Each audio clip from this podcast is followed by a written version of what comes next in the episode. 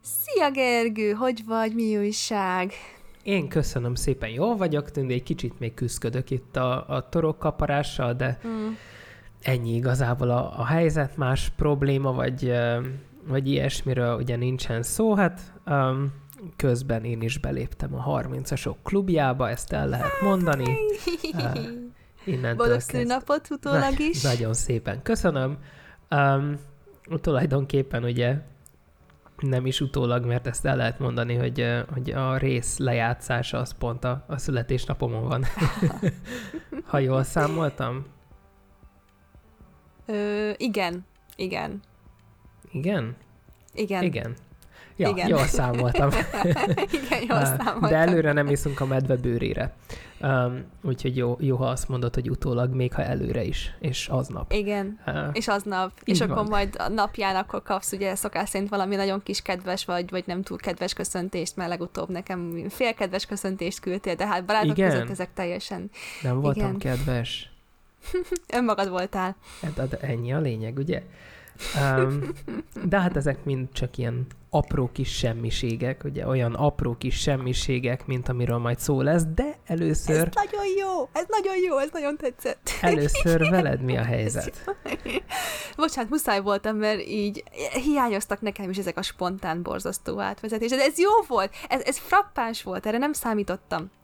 Hát Ugye ez ezt a, a részt ezt te hoztad, ezt a témakört, nekünk ezért ilyenkor van az, hogy amelyikünk hozza a témakört, az, hogyha eszébe jut valami jó, spontán átvezetés. Na igen, velem, hiszen a széjjel áll a fejem, nem újdonság, és ez az utolsó alkalom, az utolsó podcast epizód, amikor ebből a, erről a helyről jelentkezem, ezzel a háttérrel, mert itt vagyunk egy pár napon belül költözés az új helyünkre, a festés az megy jól, szana széjjel leszakad a fél karom vállam a sok festéstől, mert a plafont kentem, meg oh, oh, oh, oh.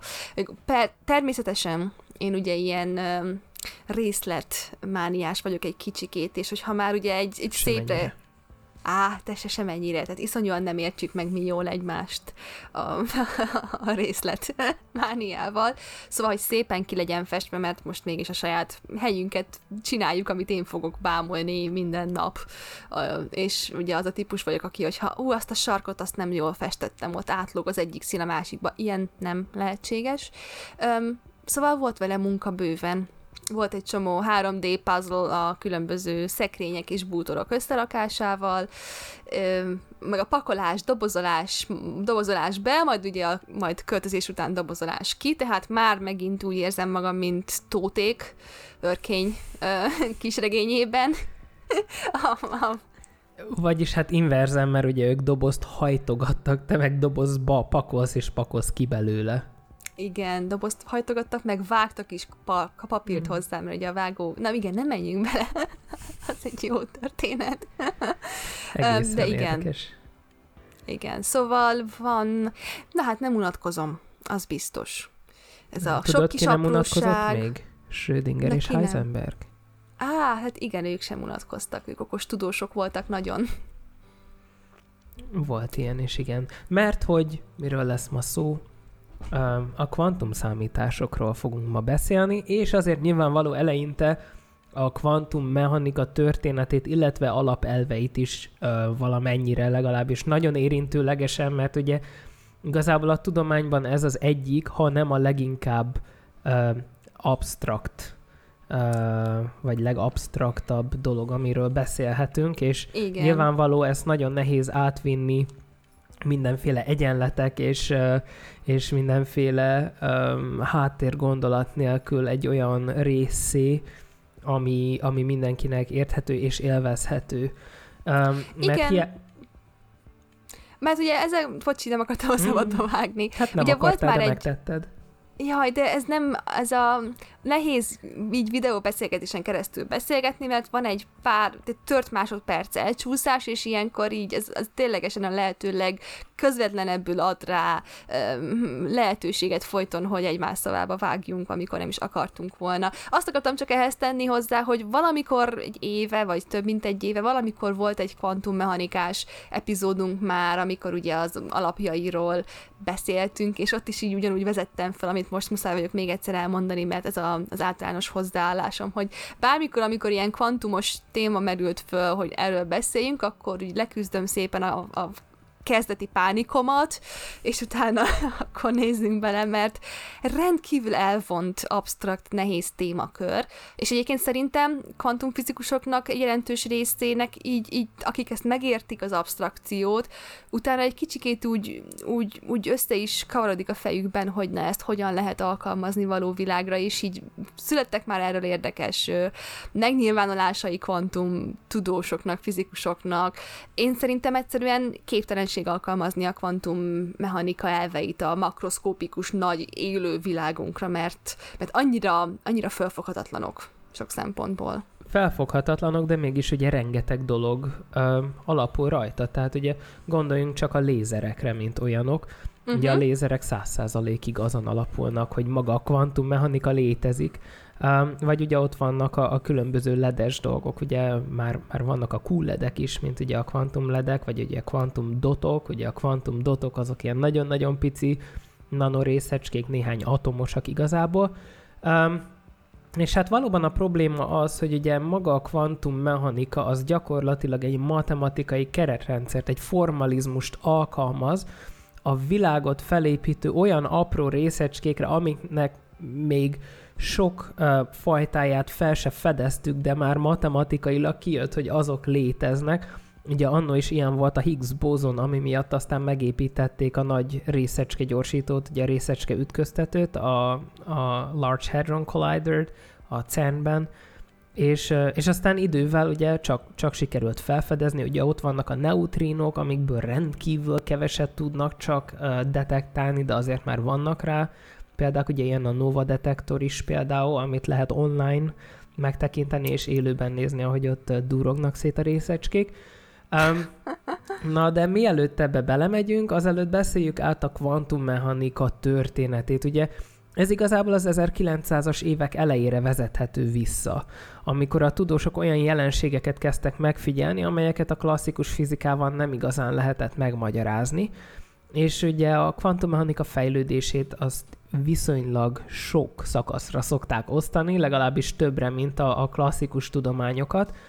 Ugye kezdjük például a korai időszakkal, amit az 1900 és 1925-ös évek közé tehetünk, amikor is olyan fizikusok, mint Max Planck, Albert Einstein és Niels Bohr forradalmian új ötleteket javasoltak olyan jelenségek magyarázatára, mint a fotoelektromos hatás, amikor is például egy fémre nagy energiájú fotonokat, nem nagy intenzitású, tehát nem erős fényt, hanem nagy energiájú fotonokat pattogtatunk rá, és aztán elkezd emiatt aztán elektromokat kibocsátani magából.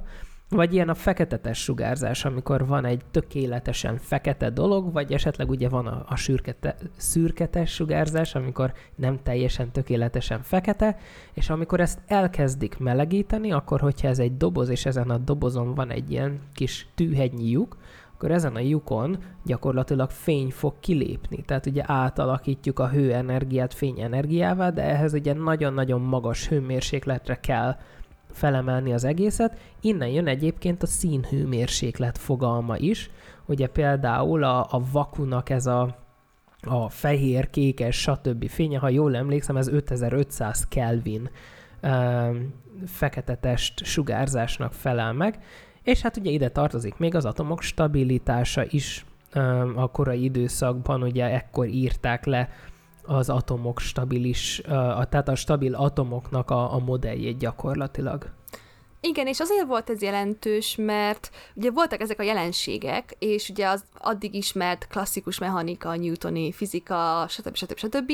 nem tudta megmagyarázni Tehát ugye pont a, a fekete testek sugárzása volt az, amit hogyha a klasszikus mechanikai leírással nézünk, akkor ugye ott lett volna azt hiszem a, a ultraibolya katasztrófa, tehát hogy az ultraibolya fénytartományban már el kellett volna szállni a, a messzibe a dolognak, és nem a mért eredmények, a mért görbék, amiket ugye kísérletileg kimutattak, az nem ezt mutatták, és erre próbáltak akkor új ugye leírásokat találni, hogy ez, ez miért is lehet így. És itt vagy ugye elértünk a 20-as évekbe, és a 20-as évek volt tulajdonképpen ugye kisebb korszakokra, időszakokra osztjuk, amiken most így megyünk így szépen végig, de ez az évtized volt a, a kvantummechanika virágkora.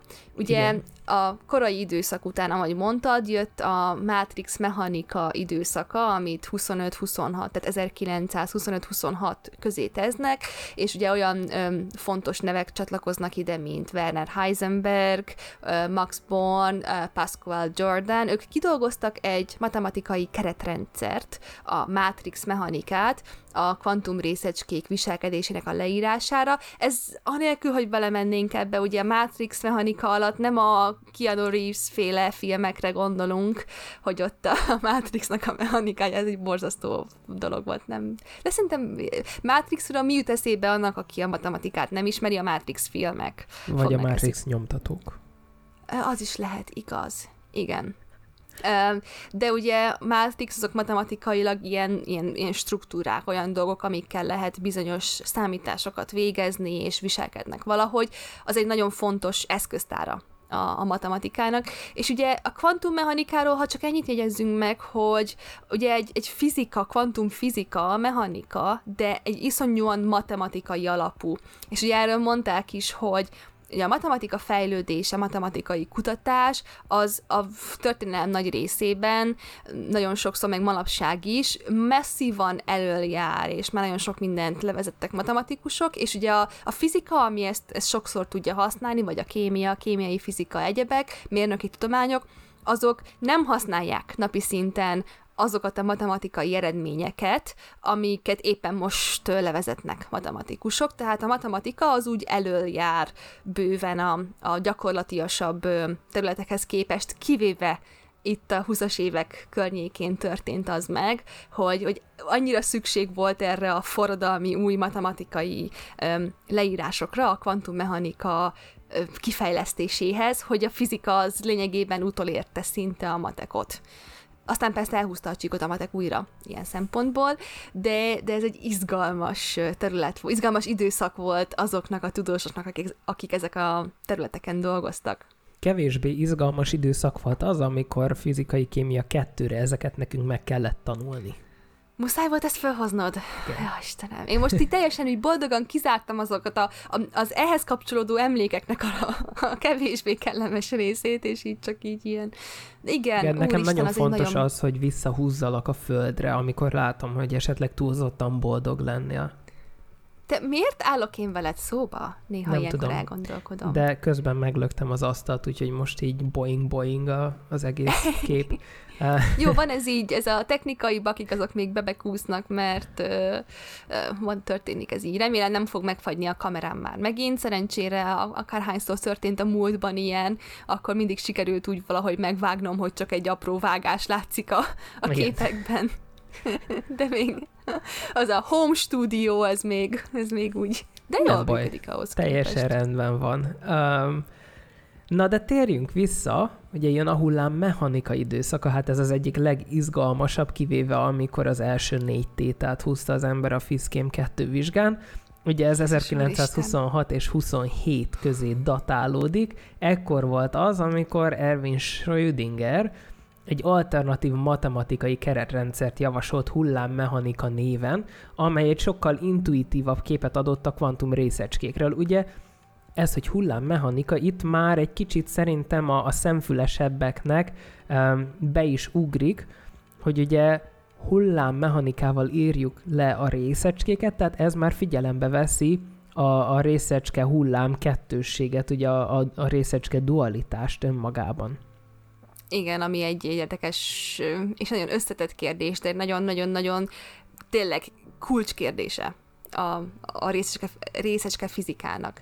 Na és aztán utána 1927-ben hozakodott elő Heisenberg a, a bizonytalansági elvel, ami a kvantumfizika egyik nagy elve, amely szerint egy kvantum részecske helyzete és impulzusa az nem ismerhető meg egyidejűleg, tetszőleges pontossággal. Tehát, hogyha ha valamelyik, tehát ugye vannak ilyen, ilyen összekapcsolódó, ugye nem csak például a, a helyzet és az impulzus, de vannak így összekapcsolt ö, paraméterei ö, egy részecskének, és hogyha az egyiket nagyon alaposan meg akarjuk határozni, akkor a másikról fogalmunk sem lesz már.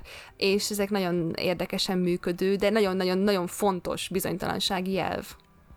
Így van, tehát ugye vegyük csak ö, példának, ugye ezt nekünk ki kellett számolni, hogy egy, egy puska golyót, amit kilőttek, és ugye a, a kettő komplementer mennyiség itt, az ugye legyen a golyónak a sebessége, illetve a golyó helyzete.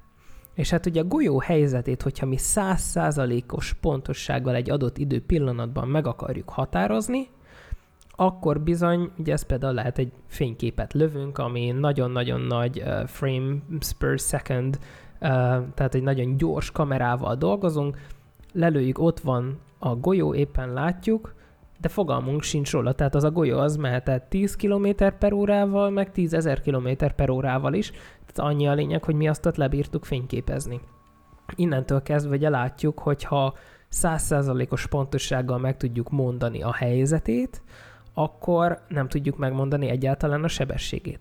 De ha egy lassabb kamerával dolgozunk, ami mondjuk egy kétszázad másodperc alatt lő egy képet, akkor látjuk, hogy az a golyó elmosódik, és akkor tudjuk, hogy ah, egy kétszázad másodperc alatt ezt a távolságot tette meg, innentől kezdve meg tudjuk határozni a tényleges sebességét ennek a golyónak, viszont nem fogjuk tudni, hogy a, a lövés pillanatában éppen hol járt ez a golyó. Úgyhogy ez egy nagyon jó szemléltetése szerintem ennek a bizonytalansági elvnek. És hát uh-huh. aztán ugye ott van a kopenhágai értelmezés korszaka, 1927 és 30 közé datáljuk. Ekkor volt az, hogy Niels Bohr és munkatársai kidolgozták a kvantummechanika kopenhágai értelmezését, ami a kvantummechanika legszélesebb körben elfogadott értelmezése. És hát ha jól emlékszem, ebből az időszakból származik, vagy erről az időszakról szól a Kopenhága című film is, ami egy egy oké okay film, nem mondanám, hogy a kedvencem volt, de meg kellett néznünk. Um, ja, én azt nem néztem, nekem nem azt nem kellett. meg. Nem, én Nézd azt hiszem, meg. azt nem is a fő fizikai kémia tantárgyal kapcsolatban Mm-mm. volt, hanem egy ilyen szabadon választható kurzus. Igen, és én azt nem csináltam azt a kurzust, mm. mert az szabadon választható volt. Igen. Aha. Na én csináltam, és egyébként önmagában ez Niels Bohrnak és Heisenbergnek a barátságáról szól, ugye ekkor már javában mentek a munkálatok az atombomba felé is, legalábbis elméletileg is, akkor ott ugye próbálják egymást meggyőzni, spoiler alert, hogy, de szépen mondtam ki, hogy ne csináld, ne, de te ne csináld, szóval ilyen érdekes film, de, de úgy egy csomó jó pillanat is van benne egyébként. Igen. Um, lehet, hogy egyszer a listámra lakom, de annyira nem, nem izgat. Az Open, Oppenheimer film, ami majd jön, mm. na az majd érdekelni fog. Az engem is. Az, az érdekes, igen. Meg, e, bocsánat, de, azt... de ha már itt vagyunk, akkor ajánlanám a Manhattan című sorozatot is. Um, ha. Egy rendkívül jó sorozat. Már, már régebben lefutott, és már, már nem forgatják, de, de az konkrétan a, a Los Alamosi helyzetet uh-huh. dolgozta fel ezek abszolút hát eléggé nagyon nagy jelentőséggel és nagyon nagy hatással bíró történelmi időszakok és súlyos következményekkel járó um, projektek voltak, amikről azért nem keveset hallottunk um, a világtörténelemből az utóbbi száz év um, történelméből. De aztán utána, hogyha ugye azt úgy, úgy, úgy lőjük be nagyjából, hogy a kopenhágai értelmezés időszaka volt 27-től 30-ig, akkor 1930-tól napjainkig tudjuk be a kvantumfizikának a Kopenhága utáni időszakát, és ugye sok más komoly tudós, például David Bohm, John Bell, Hugh Everett a kvantummechanika alternatív értelmezését javasolták, és olyan fejlesztések születtek, mint a, például a kvantum térelmélet, a, a kvantum számítás, vagy a kvantum információ elmélet, amivel most ugye így elérünk a, ennek a résznek a főbb témaköréhez, mert hogy itt vagyunk a kvantum számítógépek korszakában. Ezt talán mondhatjuk, mert azt mondhatjuk, hogy vannak létező kvantum számítógépek, még ez nem fog kereskedelmi forgalomba kerülni egy pár éven belül, de nagyon sok kutató projekt zajlik, hogy, hogy ezt ebből többet meg tudjunk, számítógépeket megépítsenek, aztán egyéb cégek dolgoznak azon, hogy szoftvert fejl már bocsánat, szoftvert fejlesztenek hozzá, tényleg egy iszonyú izgalmas témakörről és korszakról van szó, mondják azok, akik ezzel foglalkoznak, és egyébként kvantum számítástechnikával foglalkozók sokszor mondják, hogy Ugye van, ez is egy olyan nagy terület kicsikét, mint a fúziós energia, hogy fú, majd egyszer lesz fúziós energia, és milyen marha jó lesz az nekünk, és azt mondják, hogy a kvantum számítógépeknek sokkal nagyobb a, az ígérete, sokkal ígéretesebbek, és már sokkal közelebb vannak, mint a fúzió például. Igen, de hát azért ugye azt már most előjáróba hozzá tehetjük, hogy ezek a kvantum számítógépek még sok évtizedig nem fognak bekerülni a háztartásokba, mert egyszerűen nincsen rájuk szükség. Tehát ugye azok a processzorok, amik most működnek számítógépekben, és az az egész számítás technika, ami ugye a, a bináris rendszeren nullán és egyen alapul, ez tökéletesen megfelel arra, hogy meg tudjuk nyitni online a, a streaming szolgáltatót, és megnézzük rajta ugye az agymenőket, vagy a szövegszerkesztőt, hogy, hogy tudjuk használni. Tehát, hogy abszolút nincsen szükségünk így a, a hétköznapokban arra, hogy ezeket a kvantum számítógépeket mi az otthonunkba használjuk. Viszont hozzá kell azt is tenni, hogy a 80-as években még mindenki azt mondta, hogy semmi szükség nincsen arra, hogy otthon mindenkinek legyen számítógépe, és aztán most mit csinálunk? Tehát a zsebünkben, vagy táskánkban, vagy ki hol tartja, sokkal potensebb számítógépekkel szoktunk sétálni, ezeket ugye okos telefonoknak hívjuk, és ez egy-egy ilyen okos telefon, ugye sokszor szoktuk példaként hozni, hogy sokkal nagyobb számítási képességekkel és sokkal nagyobb technikai tudással bír, mint az a számítás technika, amivel eljuttattuk az embereket a hordra, és visszahoztuk Abszolút. őket. Pontosan. Tehát ugye ott még azokon a a, az űrhajókon nagyon sok dolog bizony mechanikus számítógépként működött, tehát amikor ott a madzagokat húzgálták, meg ilyesmi, nagyon érdekes. Egy kicsit felfoghatatlan így, így fejjel, hogy úristen, ott, ott milyen technikai háttér volt, és hogy az akkor rendelkezésre álló technikával mit el nem értek? Ez egy nagyon pici kitekintés, de így, így egy ilyen pici ehhez kapcsolódó sztori, pont most ö, hallottam erről, hogy a holdra szállásnak a tévé közvetítésével milyen technikai ö, gubanc volt, és hogy a, a világvezető tudósai a NASA-nál hogyan oldották meg.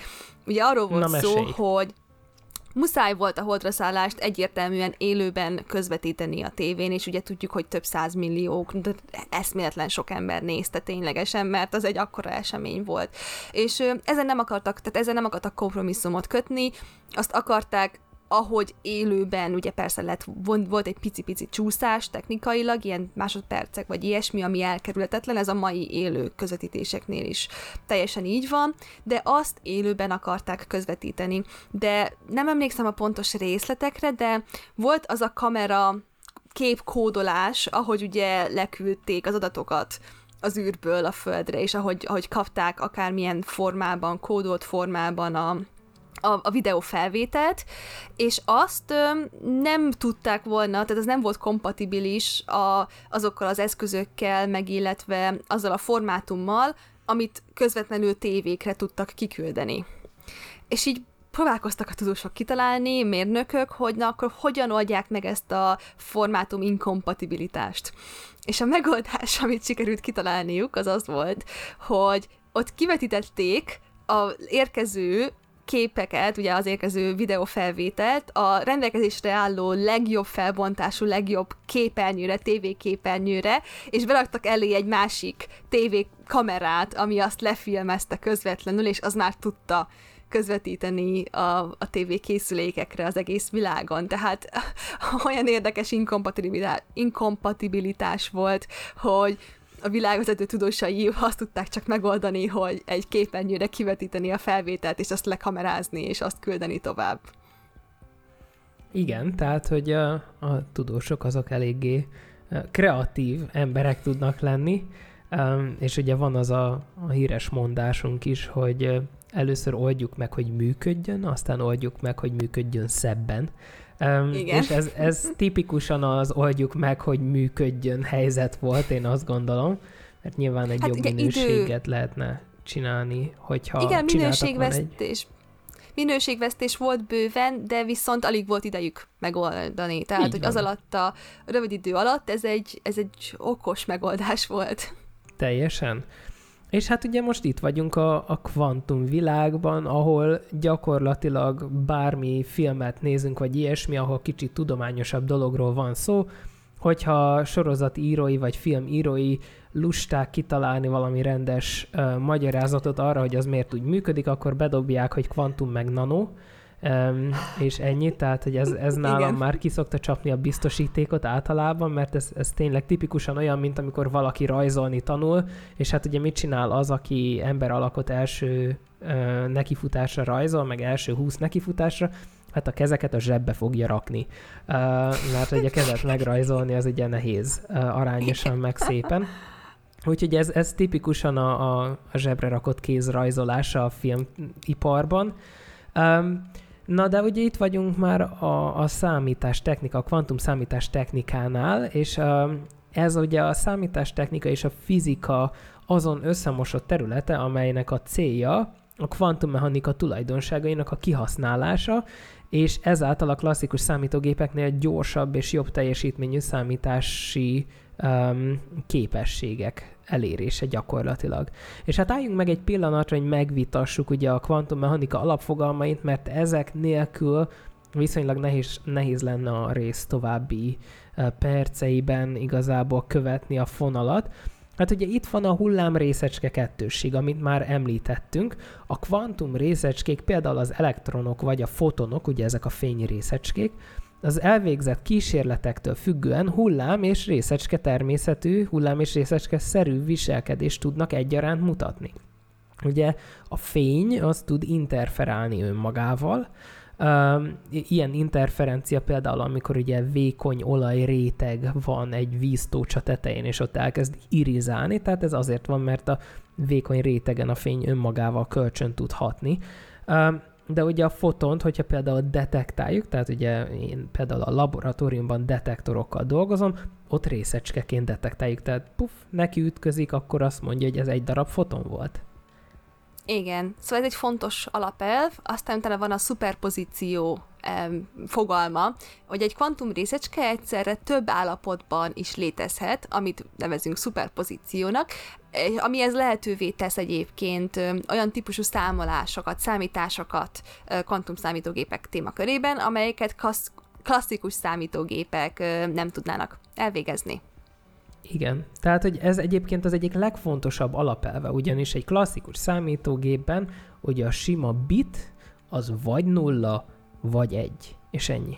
A kvantum számítógépekben a qubit, tehát kvantum bit, az ugye lehet nulla, de közben lehet egy is, de közben lehet 0,3 is, tehát hogy rengeteg többféle um, értéket tud egyszerre felvenni, és ezáltal többféle számítást egyszerre tudunk elvégezni vele. Aztán Igen. ott van az összefonódás. Ez azt jelenti, hogy kettő vagy több kvantum részecske egymással összefonódik, összefügg, korrelál, ami azt jelenti, hogy még akkor is, hogyha esetleg térben elkülönülnek egymástól, ezt a, uh, még akkor is összefüggnek. És láttam ezzel kapcsolatban egy nagyon jó kísérletet még egy ilyen két-három évvel ezelőtt, ahol összefonódott um, fotonokkal játszottak gyakorlatilag, és azt csinálták, hogy az összefonódott fotonokat szétválasztották térben, és az egyik ö, adagot, tehát az egyik, a, tehát a pároknak az egyik adagját, azt egy, egy macskás kép felé fordították, míg a másik adagot Macskás, az képes... Hm? macskás, persze, csak ugye így most Te, Természetesen. Schrödinger um, óta muszáj macskákkal igen. példálozni. Igen, és a, a másik adagot viszont, amikor detektálták, amikor észrevették, hogy ott van benne az interferencia, tehát az önmagával kölcsönhatás, és ami kiblokkolódott gyakorlatilag a hullámokból, az egy macska képe volt. De ezek nem azok a fotonok voltak, amiket ráküldtek a cicára, hanem ez a, ezeknek a tesói. És mégis uh, térben egymástól elkülönítve uh, tudtak egy képet lehozni azokból a fotonokból, amik soha nem hatottak kölcsön a cicával. Uh-huh. Abszolút. Én most elgondolkodtam már jó ideje, hogy, hogy lehet, hogy egyszer akarok egy macskát, de csak azért, hogy Schrödingernek nevezhessem el. Ez annyira... Hát ugye az önmagában paradox lenne, mert a macska nem Schrödinger volt. Ez Schrödingernek ja. volt a macskája, de akkor a Schrödinger macskája a Schrödinger önmaga, és Jaj, akkor na itt jó, elszáll. nem Tehát Meg most egyéb... összeomlasztottad a hullámfüggvényt, köszönjük szépen, Tündi. Igen, pontosan. És szeretnék egyébként, mond, szeretném mondani, hogy ez az én poénom, hogy én találtam ki, hogy macskát Schrödingernek elnevezni, de nem, ezt a Csillagkapu sorozatban hallottam 15 évvel ezelőtt. Mindegy. Ott, ott is a kvantummechanikáról beszéltek itt, és ott egy macskát ajándékozott valaki a másiknak, akit ugye a macskát Schrödingernek nevezte el és hogy ez fú, milyen vicces. Na mindegy. Igen, tehát valóban ugye az összefonódás egy nagy, az egyik legkulcskérdése, ö, nagyobb kulcskérdése a, a kvantum számítás technikának, aztán talán még szóba kerül itt is újra a bizonytalanság jel, amit már, már elmondtunk, tehát tényleg, amit ö, nagyon jó példával ö, szemléltettél te is, Gergő. De itt vannak a, a különböző kvantum állapotok kérdése, az, hogy a kvantum részecskék különböző állapotokban létezhetnek, tehát például alapállapotban, vagy gerjesztett állapotban, tehát magasabb energiájú állapotban, de a spinállapotok is bejönnek, a polarizációs állapotok bejönnek, hogy még így dobálozzunk jó kifejezésekkel, az impulzus állapotok, a pozíció állapotok, a szuperpozíció és az összefonódás állapotai, és ezek között ugye, hogy milyen állapotban van a részecske, hogyan váltakozik különböző állapotok között itt kezd bonyolult lenni, de itt kezd nagyon érdekes és nagyon sok uh, ígéretes dolog bejönni, hogy hogyan lehet ezt kihasználni számítások végzésére. Így van. És aztán ugye ott van a kvantummechanikának a valószínűségi jellege, tehát ugye a kvantummechanikai mérések kimenetele az ugye valószínűségi jellegű, ami azt jelenti, hogy a mérés pontos kimenetele az nem jósolható meg biztosan, ugye ez a Heisenberg féle határozatlansági relációból jön. És ugye innen is látszik, hogy önmagában, hogyha ezt összevetjük Schrödingerrel és együtt, akkor a kvantummechanika az gyakorlatilag egy matematikai formalizmus. Ezt leírhatjuk különböző matematikai módszerekkel igazából, és megkapjuk ebből aztán a hullámfüggvényeket, operátorokat, és ugye magát a Schrödinger egyenletet is. Ugye az operátorok azok, az operátorok az egy matematikai fogalom, ugye mind ahogy már beszéltünk mátrixokról, hogy az egy matematikai eszköz, az operátorok is egy matematikai eszköz, és most kérlek, ne kért, hogy magyarázzam el az operátorokat, mert így, így hirtelen itt, ide vagyok így állítva erre a pontra, hogy ezt így nincsen előttem a definíció, és nem akarok marhaságot mondani, de egyébként hozzárendelési szabályokról van szó, ha jól emlékszem, és nagyon-nagyon, tehát a, pont az operátor elmélet, a matematikai operátorok kifejlesztése, ezt viszont tudom, erre emlékszem, ez volt az, a, ahol a kvantummechanika utolérte a matematikát, és, és kérte, hogy tessék nekem egy jó elméletet kifejleszteni. Ez volt az operátor elmélet, mert ez annyira hasznos a kvantummechanika matematikai formalizmusához. Igen, de aztán utána tovább nézve még így a, az ide tartozó fontos fogalmakat, ott van a mérési ö, probléma, ami az a kérdés, hogy egy hullámfüggvény hogyan omlik össze, ugye ezzel már poénkodtunk, tehát hogyan omlik össze a hullámfüggvény egy mérés során egy meghatározott állapotba és ugye, ahogy ugye mondtuk, van a kopenhágai értelmezése a kvantummechanikának, de vannak más értelmezései.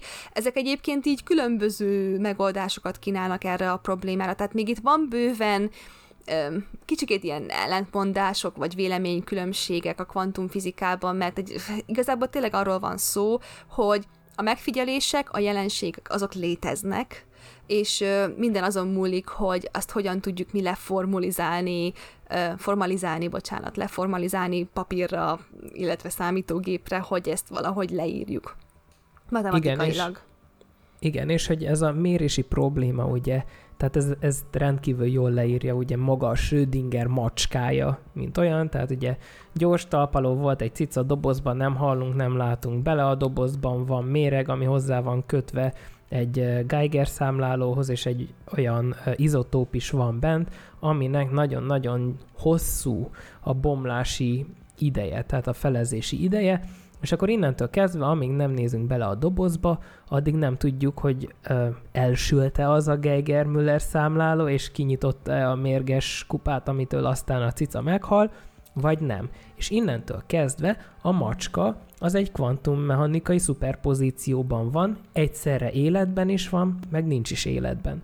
És ugye mit jelent ez, hogy összeomlik a hullámfüggvény? Tehát ugye ezt, hogy egyszerre életben is van, meg nincs is, ezt egy szuperpozíciós függvényel le lehet írni, viszont abban a pillanatban, hogy kinyitjuk a dobozt, ez a szuperpozíció ez összeomlik, tehát gyakorlatilag konvergálni fog egy adott pontba, mégpedig abba a pontba, hogy a cica az most él, vagy nem él. Ha él, akkor valószínű jócskán mérges is, tehát, hogy még több információt is onnantól kezdve le tudunk hozni a hullámfüggvényekből, hogyha valamit megmérünk, de csak egy adott állapotra vonatkozó információkat tudunk levonni, onnantól kezdve a többi szuperponált állapotot már nem fogjuk tudni megmondani. Igen, de ez fontos ide hozzátennünk, mielőtt állatszeretők, állatvédők így elkezdenek hirtelen fönnakadni, hogy úristen, ez egy, ez egy gondolatkísérlet. Ez nem egy valós kísérlet, ezt nem végezte Igen. el Schrödinger, és nem végezte el senki. Ez egy gondolatkísérlet, ami pont illusztrálja megpróbálja illusztrálni nekünk ezt a szuperpozíció kérdést, és egyébként viszont Schrödinger inkább arra próbált ezzel a, a gondolat kísérlettel rávilágítani, hogy, hogy milyen egzotikus viselkedések vannak a kvantumvilágban, és hogy mennyire nem igazán tudjuk a hétköznapi makroszkópikus fejünkkel fölfogni, mert hogy ugye mennyire na, tehát ennek nincsen olyan értelme ennek a, a macskás példának való életben, de viszont szemlélteti a szuperpozíciót számunkra. Így van. És hát ugye ez a kvantumszámítás alapelve, hogy a kvantumbitek vagy kubitek szuperpozíciós állapotban léteznek, ami lehetővé teszi számunkra, hogy egyszerre több értéket képviseltessünk ezekkel a bitekkel. És egy kvantumrendszer állapota az más rendszerekkel is korrelálhat, ugye ezt nevezzük összefonódásnak, amit beszéltünk, és ezek a tulajdonságok gyakorlatilag felhasználhatók néhány úgynevezett kvantum algoritmus végrehajtásához, amelyek bizonyos problémákat exponenciálisan gyorsabban tudnak megoldani, mint a klasszikus algoritmusok. És ugye erre majd lesznek példák a későbbiekben. Igen, tehát a kvantum számítás technika, mint területnek a, a története, az összességében mondhatjuk azt, hogy a 80-as évekre nyúlik vissza, annak az elejére onnan úgy indult ki, amikor egyébként Richard Feynman, egy eléggé híres nagy fizikus, akinek a munkáját nagyon tiszteljük, ő javasolta a kvantumrendszerek felhasználását számításokhoz, mert hogy ez milyen jó ötlet lenne. 1985-ben David Deutsch fizikus javasolta a kvantum számítógép első elméleti modell modelljét, aztán már a 90-es években az IBM és a Berkeley Egyetem kutatócsoportjai elkezdtek dolgozni kvantum számítógépek kísérleti megvalósításán. 1998-ban az MIT-nak az egyik csapata az sikeresen meg is valósított egy egyszerű kettő kubitből, tehát kvantumbitből álló kvantum számítógépet.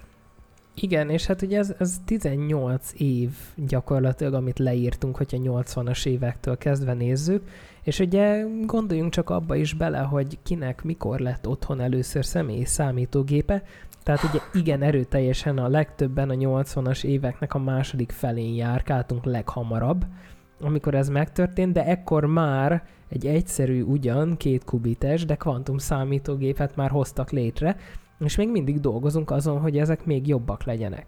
Hát aztán ugye a legígéretesebb alkalmazása, legalábbis az egyik a kvantum számításnak, az a kriptográfia területén van, tehát ugye a kód feltörések, amikor is a feltörhetetlen titkosítási kulcsokat lehet létrehozni, ugyanis ahogy a mesterséges intelligencia is egyre inkább fejlődik, úgy dobhatjuk kukába majd a, a régi um, titkosítási folyamatainkat, mert hogy rendkívül gyorsan fel tudják majd törni. Uh-huh. És hát ugye, ez, tessék?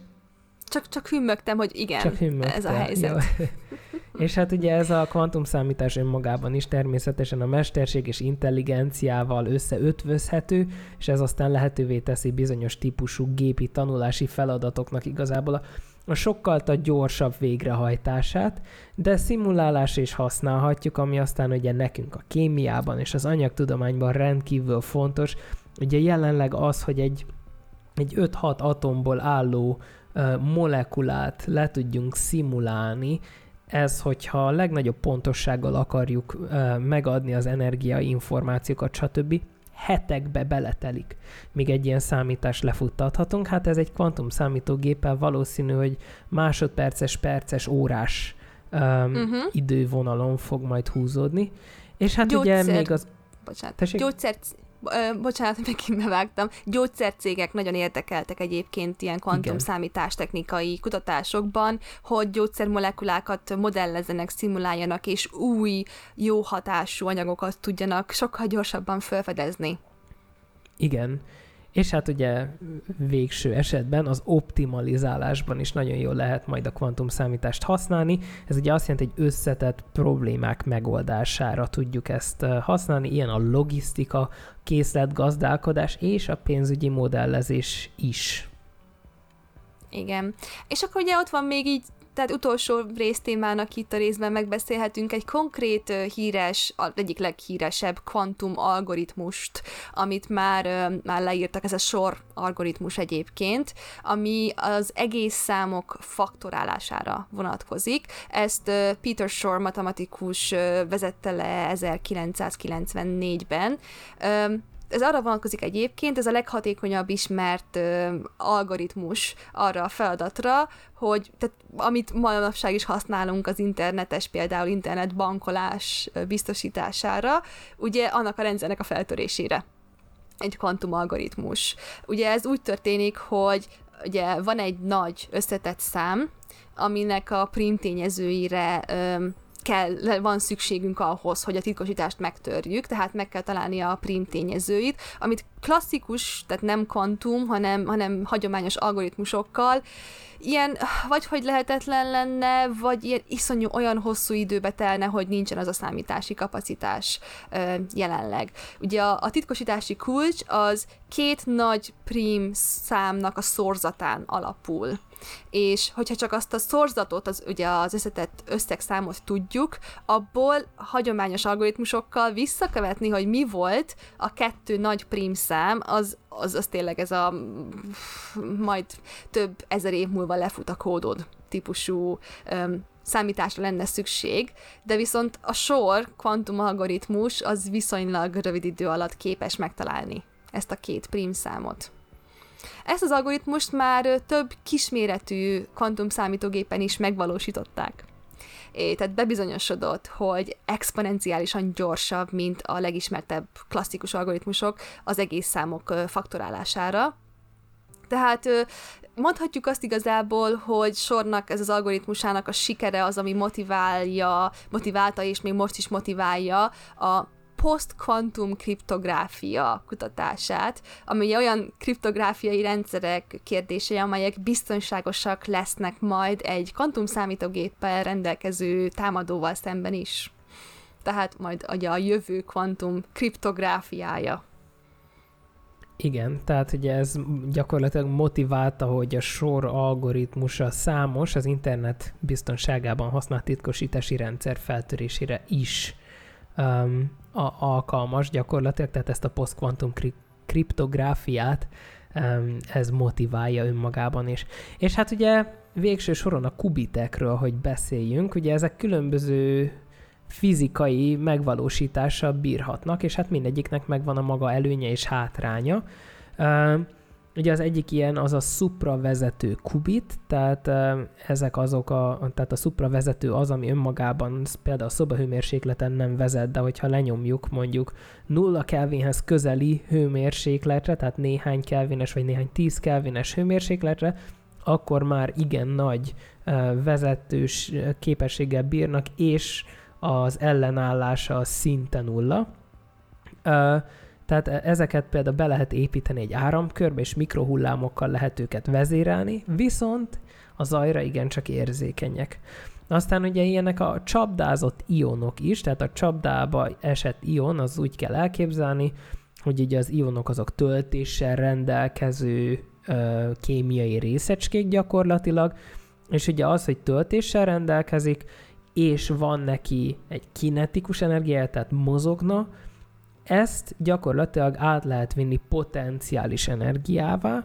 Ugye ez a potenciális energia gyakorlatilag az ionnak a belső, tehát hogyha egy helyzetben áll, akkor ennek az ionnak van egy belső energiája gyakorlatilag, és ezt az energiát ellensúlyozni lehet úgy, hogy egy ilyen potenciál gödörbe belepakoljuk, ez azt jelenti, hogy egy nagyon-nagyon nagy töltéssel rendelkező csőbe például belerakjuk, az egyik végén is nagyon nagy um, feszültség van, a másik végén is nagyon nagy feszültség van, és gyakorlatilag oda becsapdázzuk az iont. Hogyha aztán az egyik végén levesszük a feszültséget, akkor ki fog repülni onnan. Ezt mi is nagyon sokat használjuk egyébként a laborban, tömegspektrometriában. És ezek az ionok aztán lézerrel vezér, vezérelhetők, Ugye ez azt jelenti, hogy ebben az esetben ez lézercsapdázás, és nem potenciális csapdázás, és hosszú koherencia idővel rendelkeznek, viszont nagyon nehezen méretezhető. Ugye, tehát az, hogy egy ion becsapdázzunk pontosan, tökéletesen, ugye ahhoz is eléggé nagy számítások és nagyon um, sok energiára van szükség. Igen, de vannak még más fajták, vannak, amiket úgy hívunk, hogy topológiai kubitek, amik eléggé ellenállóak a, a zajjal szemben, és használhatóak egy olyan dologra, amit úgy hívunk, hogy kvantum hibajavítás. De ellenben ezek a kubitek nehezen manipulálhatóak. És tehát úgy vagyunk ezzel, ott tart a kvantum számítógépeknek a fejlesztése manapság, hogy vannak már jó potenciális ötletek, hogy hogyan lehet kubiteket megvalósítani, de még mindig egy ilyen, ilyen trade-off, tehát ez a mik a pozitívumai és mik a, a negatívumai egy módszernek, hogyan tudjuk kihasználni a pozitívumait, és hogyan tudjuk fejleszteni a, a hátrányait. Tehát itt tartunk még. Tehát tényleg rengeteg potenciális különböző területen fogjuk nagyon nagy valószínűséggel használni a kvantum számítás technikát a jövőben. Van még mind bőven dolgozniuk a tudósoknak, de, de ígéretes. Sok, sok, sok jó dolog fog történni remélhetőleg ebben a témakörben. És reméljük, hogy ezt még épp észszel meg tudjuk érni, hogy, hogy ez a kvantum számítás technika, ez felvirágozzon teljesen. Igen. Szóval ez is egy ö, érdekes, ugye a jövő számítás technikájának a témaköre volt ebben a részben is. Szokás szerint, ha ezzel kapcsolatban maradtak kérdéseitek, várjuk őket ö, sok szeretettel a megszokott utakon, a lyukasóra.tudományból.gmail.com e-mail címre, vagy különböző kommentek formájában, Facebook Messenger üzenetként, de egyébként várjuk továbbra is a téma ötleteiteket mindig, hogy miről beszéljünk, és ugye itt leszünk a jövő héten is. Ha tetszett a, az a podcast rész, vagy a videó formátumban YouTube-on, akkor lájkoljátok a videót, iratkozzatok föl a csatornánkra, de ugyanúgy bárhol, bármilyen platformon hallgattok, nagyon szívesen veszünk bármilyen visszajelzést és bármilyen lájkot, de persze konstruktív visszajelzést is, és hát várunk vissza titeket sok szeretettel a jövő héten is. Így van. Köszönjük, hogy velünk tartottatok. Sziasztok! Sziasztok!